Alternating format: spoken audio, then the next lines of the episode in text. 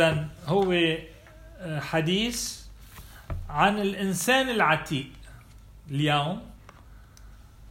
رح لكم المراحل يلي في لها ريفرنس أكيد كل ما اعطيكم مرحلة وحديث بعطيكم عليها نصوص بتساعدكم على التأمل لتفهموا حالتكم في عندي المرحلة الأولى الإنسان العتيق يلي هي بتمهد للولادة تمخضات الولادة الروحية. هلأ بوصفها. وبعدين أنتم كل واحد بيعرف حاله إذا هو بهالمرحلة ولا مرحلة تانية. إذا بدي أروح على كل المراحل بيرجع لكم حسب القابليه يعني أنا مفوكس على التمخضات الولاده والأسبوع القادم الولاده نفسها الروحية شو هي؟ أنا بقول ولدت للرب أنا اختبرت الرب أنا عم عيش حياة نعمة أنا عم عيش حياة جديدة. فهيدا رح يكون مرتي الجاي. اليوم اللي بيهيئ لهيدا. هلا إذا بدكم تروحوا أبعد أنا عندي إياهم سلسلة. يعني لوين ممكن واحد بده يروح للآخر بالحياة الروحية؟ بيجي ورا الولادة الروحية النمو الروحي أو الوعد الطفوله الروحية المراهقة الروحية مثل كل ولادة. بعدين بيجي تطهير الحب والعهد يلي بيقود للنضج مع الرب. بعدين بيجي مخاض الدعوة إلى البنوة. بعدين بيجي سر التجسد يعني الدخول بترجمة سر ابن الله بحياتنا من باب التجرد والإخلاء على صورة ابن الله لنوصل إلى هذا خلصنا من المراحل صرنا بالسر. بياخدنا سر ابن الله لحياته بذاته مع الله. هودي حسب القابلية إذا واحد بده يغوص بالعمق أنا بروح معكم. بس هلا مفوكس على المخاض. الولادي من الإنسان العتيق ومرت الجاي الولادي هيدي الفاصلة إذا حبيتوها ووصلتكم فعلا جوهر بداية الحياة المسيحية ساعتها بدكم تروحوا بالعمق للتدرج بالنمو الروحي. لوين بيوصلكم لآخر مرحلة أنا معكم وإلا بنرجع لسلسلة المواعيد المواضيع اللي اقترحتوها علي. أوكي؟ هيدا اللي حبيت لكم قبل ما أدخل بالحديث. هلأ رح بلش الحديث. سميتها الإنسان العتيق أو تمخضات الولادة الروحية. مثل ما قلت لكم هي سلسلة عندي للحياة الروحية أو النمو الروحي بتبلش بالإنسان العتيق. مشان هيك رح بلش بهيدا المفصل. رح أقول مين هو هالإنسان العتيق؟ لأنه طيف هذا الإنسان تعرفوا الطيف يعني الخلفية اللي بتتحكم بتاريخنا بيلحقنا دايما بكل مسيرتنا وحياتنا الروحية. كل مرة بنغفل فيها عن نعمة الله أو بننام على اطمئنان كاذب روحي أو بنعيش حالة صعوبات بيستفيق فيها الإنسان العتيق وخاصة علامته بتكون بجسدنا. المهم إنه نشخص من هو هذا الإنسان العتيق. لنقدر نفهم كل صعوبة أو كل اختبار ونميزه بالروح. ساعتها بننمى من خلاله بدل ما يكون عائق بحياتنا الروحية. يعني التمييز هو المهم بفهم الصعوبات. بيتراوح عمر الإنسان العتيق من شخص لآخر. لكن مش قبل عمر سبع سنين ببلش هذا المخاض. ليه نقيت عمر سبع سنين. لأنه مش عمر التربية النفسية وعمر اديب سنتين لست سنين يلي بيخزن شخصية الإنسان ومبادئه وكل ما تربى عليه بيرجع بيستفيد. هذا بسيكولوجيكمو بس بعمر سبع سنين الإنسان بحسب الأنبياء والكتاب المقدس صار بيعرف يميز الخير عن الشر. حتى بدون تربية. ضميره بيعرف بيعرف الصح من الغلط وبخزن بذاكرته أحداث بتراكم بداخله شخصية هذا الإنسان العتيق. وبدل لحين اكتشاف حب الرب. بهذا التخزين. إذا قبل عمر سبع سنين شو ما اختبر الإنسان بطفولته ما في شيء بأنب ضميره لأنه منه مسؤول بعد. حتى لو أذى حدا. بينجرح وبيحمل جراحه بتعب.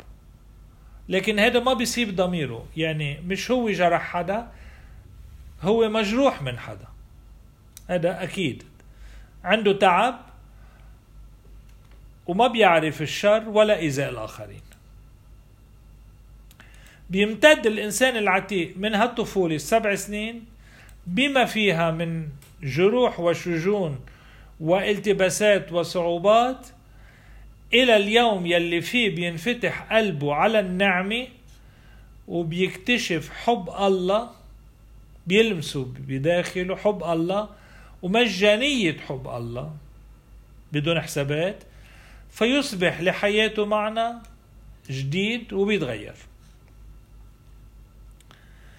عمليا ببلش الإنسان ياخد موقف ذاتي بعمر سبع سنين. يعني هيدا غلط هيدا صح وبحاسب نفسه حتى على الخطأ على الخطأ. يعني بعرف تماما بهالعمر لوحدهم بيشكوا نفسهم الاولاد على أخط... واذا قلت له شو عملت وين الغلط بيقول لك إيه دغري.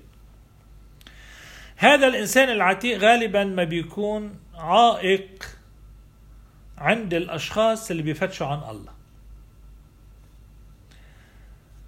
وما بقدر سمي إنسان عتيق إلا يلي هو برباط مع الله بالإيمان. لأنه عكس الإنسان العتيق الإنسان العبثي ابسورد الإنسان العبثي.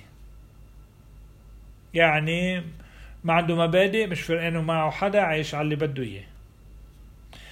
الملحد كمان. البعيد عن الله البعيد عن الإيمان.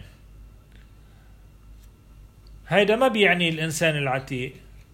ولا حتى عنده عهد قديم لأقول عنده إنسان عتيق. لأنه الإنسان العتيق مربوط بوصية بناموس بطريقة حياه هلا بنسميها. فتسمية اذا إنسان عتيق وعهد قديم بقصد فيها كل شيء قبل معرفتنا ليسوع المسيح وقبل دخول الرب يسوع لحياتنا. كله إنسان عتيق.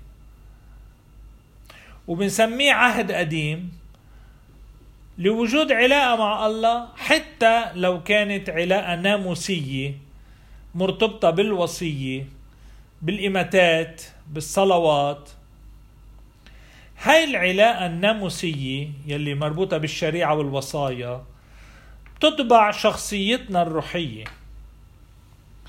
ولما بيدخل الرب إلى حياتنا رح نكتشف إنه ما بيغير طبيعتنا بيغير حالتنا. يعني اللي عنده بالأساس تقوى وحب الأصوام والإماتات رح يضل عنده بعد الاختبار الروحي والولادة الروحية. هل طريقة من سهولة الصوم والإماتة عن أمور شخصية؟ لكن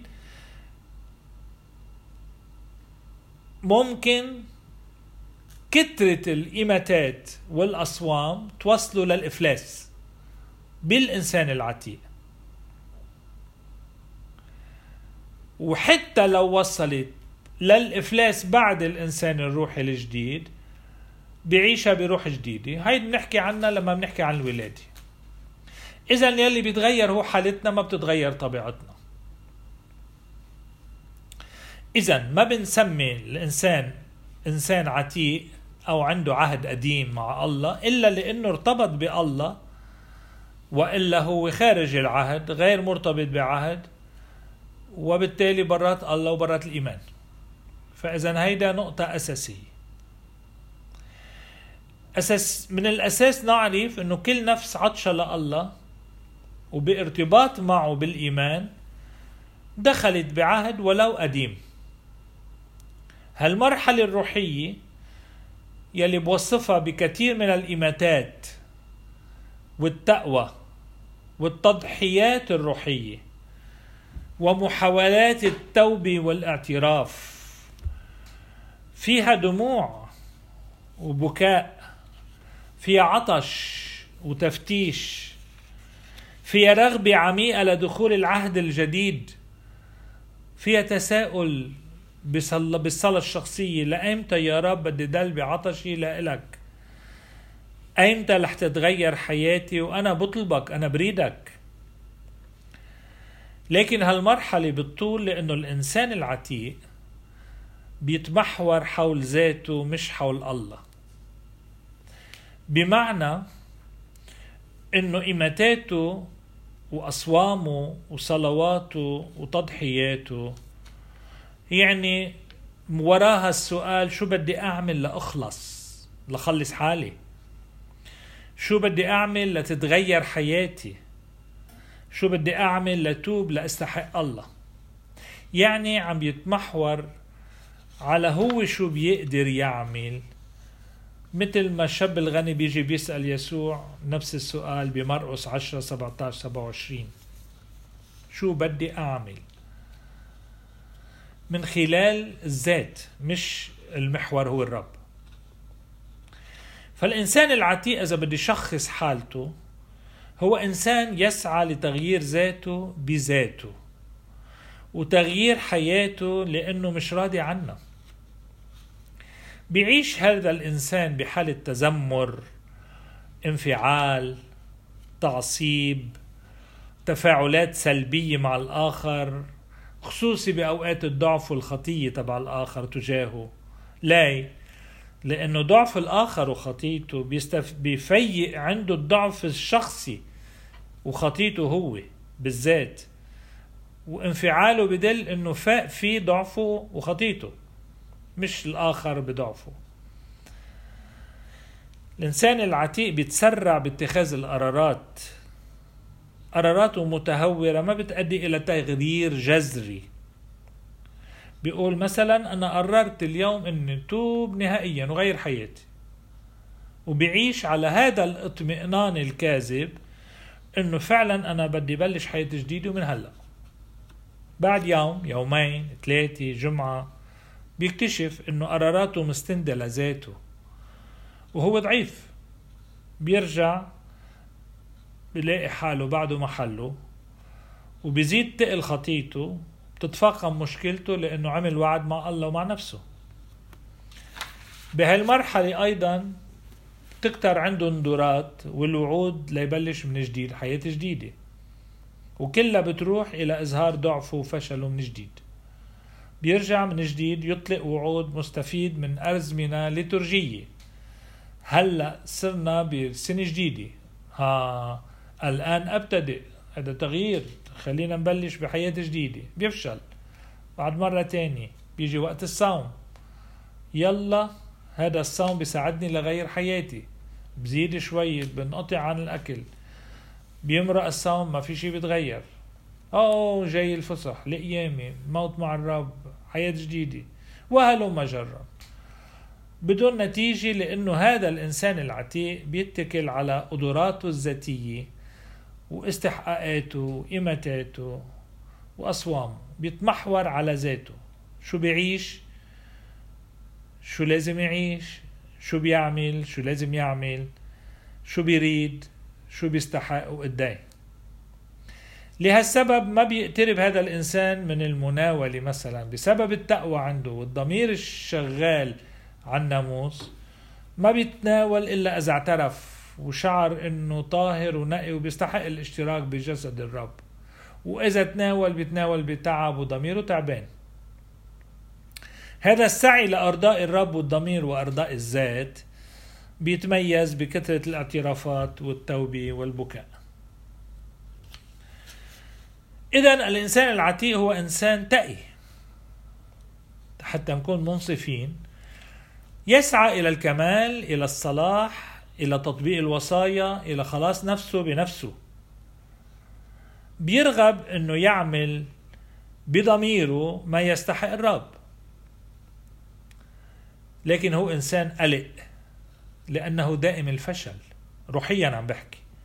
ما بيوصل لأهدافه اللي حطها ورغب قلبه عليها.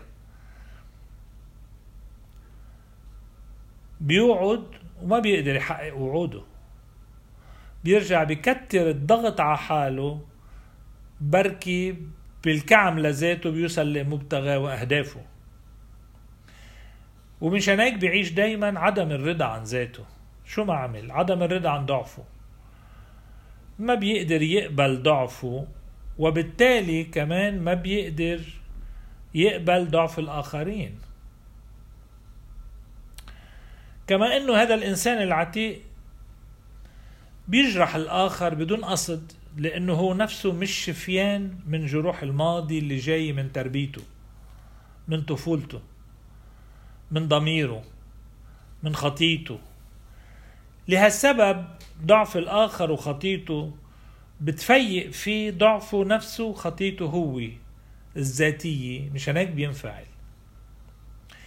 لأنه الآخر قدامه بصير مثل المراية لذاته. مشان هيك يصعب عليه الدخول بمصالح مع الآخر طالما هو ما تصالح مع نفسه أولا. وانفعاله على الآخر هو أصلا انفعال على ذاته لأنه بشوف قباحته وضعفه بقباحة وضعف الآخر. وبالتالي انفعال الآخر قدامه بيفيق فيه الانفعال لأنه بأكد له ضعفه مثل المراية بشوف إنه ما تخطى ذاته بعد. وهو مش حيقدر أصلا يحب الآخر. لا. كيف ممكن يحب آخر إذا هو ما حب نفسه بعد؟ ما هو مش قبلان حاله. أحبب قريبك حبك لنفسك بيقول الرب. فإذا كان الإنسان العتيق بحاسب نفسه من الطبيعي يحاسب قريبه ويدينه على أسعر على أصغر الأخطاء. وإذا كان غير راضي عن نفسه كيف بده يرضى عن غيره؟ هالإدانة للآخر بتحمل باللا وعيه بالإنكونسيون تبعه شيء من تبرير الذات بمقارنة بين ضعفه وضعف الآخر. إنه يعني مثل الكحل الأحلى من العمى. كمن يبحث عن التخفيف ولو قليلا عن تقل ضميره وردات فعله. يصعب على الإنسان العتيق كمان أنه ينسى جروح الماضي. لأنه ماضيه حاضر دوما قدامه. وأكثر من هيك كل خطية جديدة وكل جرح جديد وكل فشل جديد وكل إخفاق جديد بينزاد على كل تقل الماضي. وبداخله نوع من بانوراما روحية بتقوده ليقول بذاته إنه إنسان مجبول بالخطيه مشينا على الأرض خطيه ضعف وفشل وحق وإنه إنسان ضعيف وما بلا قيمة قدام آه، ذاته قدام ربنا. مما بيخلق عنده حالة دائمة من الإحباط والحزن واليأس. هالمراجعة الروحية بداخله ناتجة عن رغبة عميقة بإنه الله ينسيك كل ماضيه ليرتاح. لو الله بنسيني كل تفاصيل حياتي الماضية لبلش من جديد لأنه ضميره تعبان. وكل جروح وخطاياه ماثلة قدامه دوما. وكل ما يتراكم فوق هذا من آه، زيادة ضعف بيقودوا بياخده ليعيش حياته بانكسار جديد وفشل. وبالتالي بسبب رغبته لنسيان كل الماضي الأليم تصعب عليه الصلاة. من هيك بيشرد دايما بالصلاة لأنه ماضي حاضر قدامه. بيصلي لكن بتعب بألم. وما بيتحمل بسهولة مثل ما قلنا التقرب من القدسيات الأربان المناولة الهيكل. الإنسان العتيق كمان بيعيش بصراع مع جسده ما بيقدر يتصالح بسهولة مع جسده. بيعيش صراع بين الجسد والروح. بيشعر إنه مستعبد للجسد. بيحاول السيطرة على جسده. لكن جسده هو اللي بياخده لمطرح اللي ما بده. إلى الشهوة. مثل ما بيقول ماربولوس ما أريد من الخير لا أفعله وما لا أريد من الشر وأفعل. الويل لي أنا الشقي من ينقذني من هذا الجسد الصائر بي إلى الفساد؟ إلى الشهوة. هذا الصراع هو الأكبر عنده. فكيف يمكن للجسد أنه يتبع رغبته الروحية؟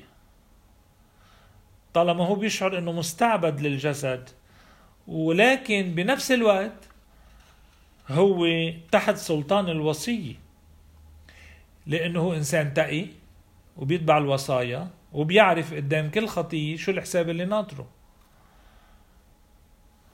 وكأنه عم بيعيش بين دينونتين وعبوديتين. جسد بيستعبده للخطية بسبب الضعف ووصية بتستعبده للحساب لأنه قدام كل خطية ناطره حساب. وهو بحالة ما بيقدر فيها إرضاء الله ولا إرضاء ذاته ولا إرضاء الوصية لأنه مش عم يقدر يعملها. فبيعيش بصراع وقلق كبير. الإنسان العتيق هو إنسان غير فرح. بيفرح من وقت لآخر. لكن فرح هش ما بيدوم. منين جاي الفرح؟ هالفرح الهش من وقفة نجح فيها موقف ضميري موقف آه شيء من السيطرة على الذات. من وقت لآخر ممكن يشعر بسلام لكن سلام مربوط بوعوده وبداياته القصيرة المدى وغير الثابتة يعني سلام متزعزع. مع فشل حيالله فشل بيرجع بينتهي السلام. وأحيانا بيشعر بالسلام إذا قدر مثلا دخول بمصالحة مع حدا بسبب عداوة كانت تفيق فيه دايما عدم الرضا على الذات. لكن كمان هذا السلام ما بيدوم بيرجع لقلقه الدائم لأنه ما حقق ذاته بعد. يعني هاو خطوات صغيرة. بيتوب الإنسان العتيق عن خطيته وضعفه لكن بيتوب كمسعى للاستحقاق الشخصي ليرضي ضميره ويرضي الرب. هو بيعتبر هذه التوبة نوع من الفضيلة ليستحق فيها خلاص الرب. وقد ترافق توبته إماتات وأصوام وتقشفات كتعويض عن عدم إرضاء ذاته عن عدم رضاه عن ذاته.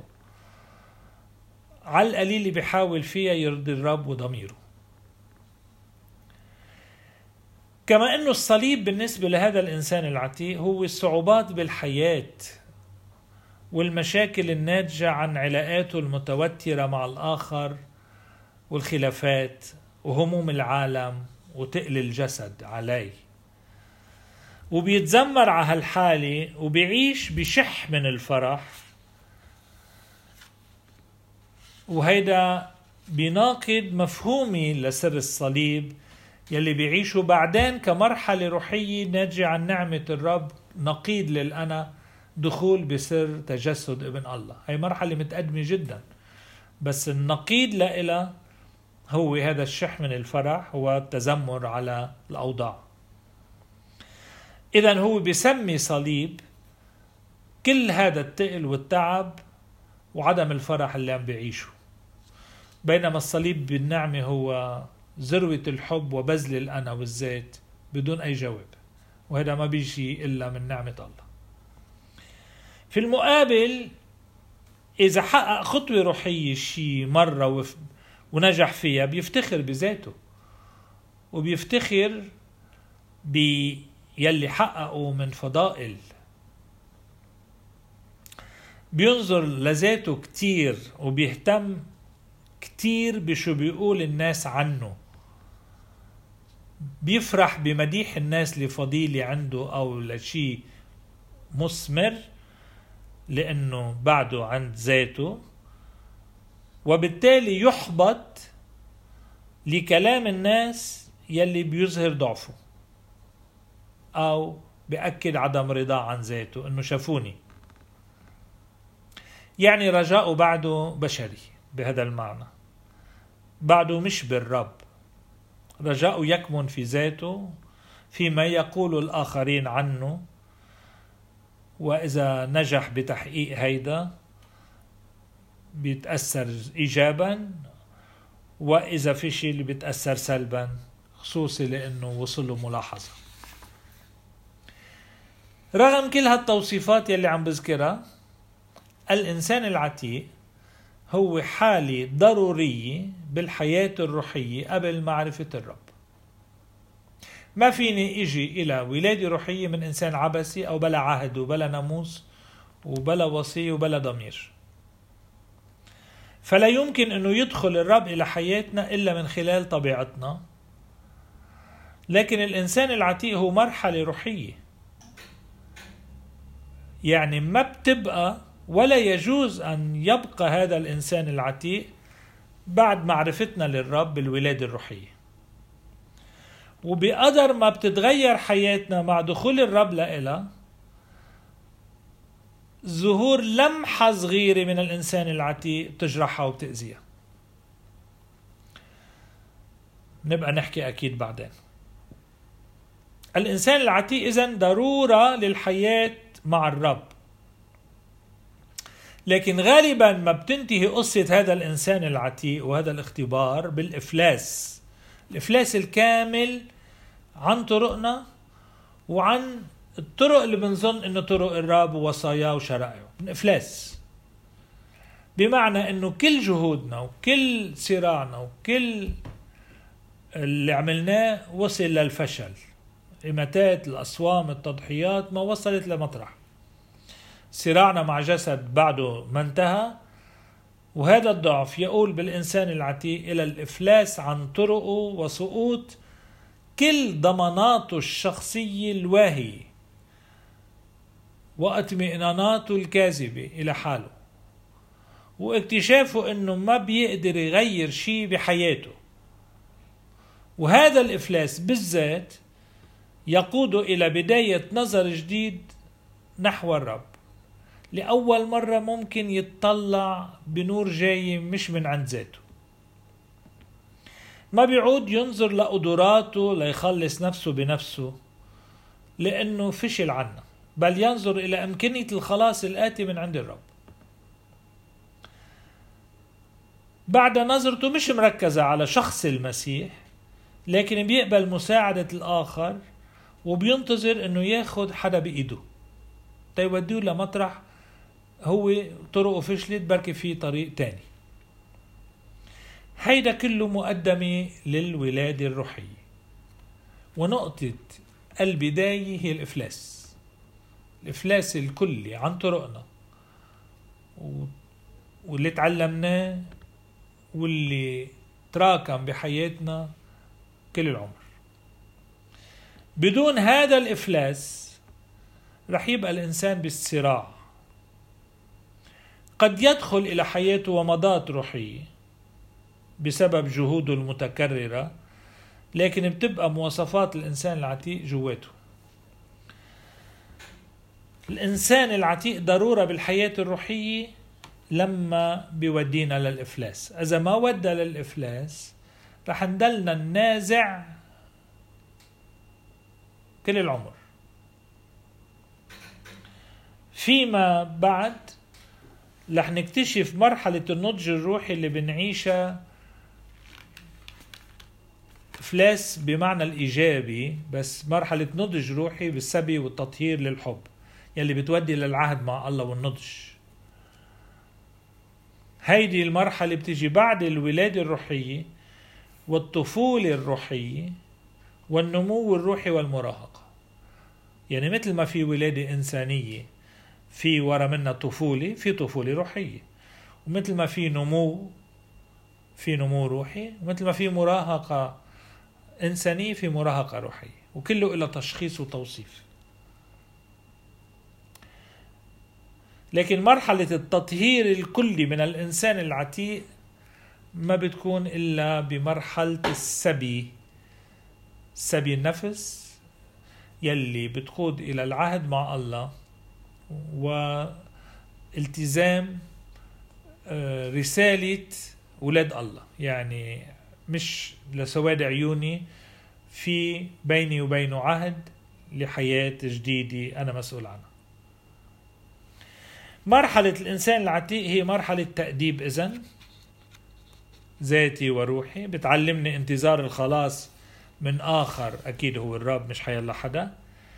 وهي مرحلة تهيئة بتمرق من خلال سعينا الشخصي اللي بيقود إلى الإفلاس. الإفلاس بمعنى أنه الوصية ما قدرت تخلصني ولا أنا استحقيت بذاتي الخلاص. بدون هالفقر بدون هالقناعة لا يمكن معرفة خلاص الرب واللقاء فيه كشخص حي. الممتلئ من ذاته ما بيقدر يقبل الرب سيد على حياته. وحده الفقير بالروح بيترك الرب يدخل حياته ويملك عليها.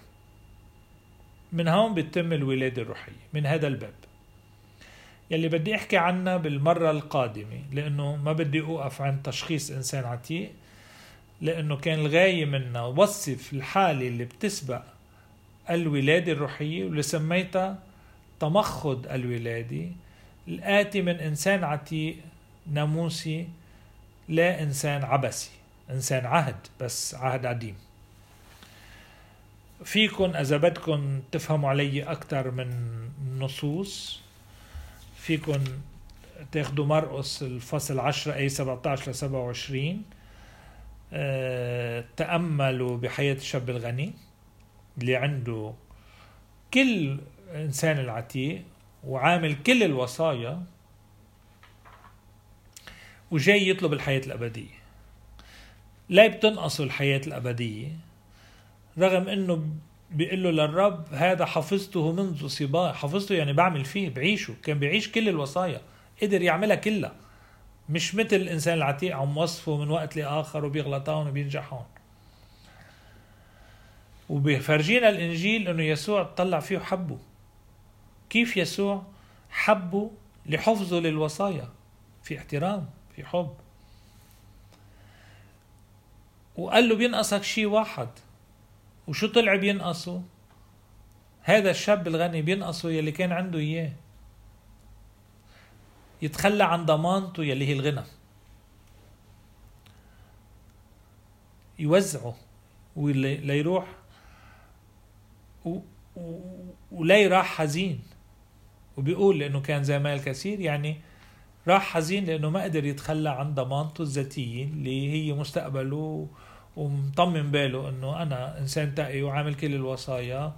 وبتعرفوا عند اليهود بالمدرسة التقوية الغنى هو بركة من الله يعني والفقر لعنة من الله فاذا هيدا هو الإنسان الإنسان العتيق بيشبه هذا الشاب الغني. رح است... رح اوقف هون لحتى أترك مجال للأسئلة والاستيضاح لأنه خاف إنه اكون صدمت كم حدا منكم أو كلكم ما بعرف. فبترك مجال للأسئلة والاستيضاح ميرسي.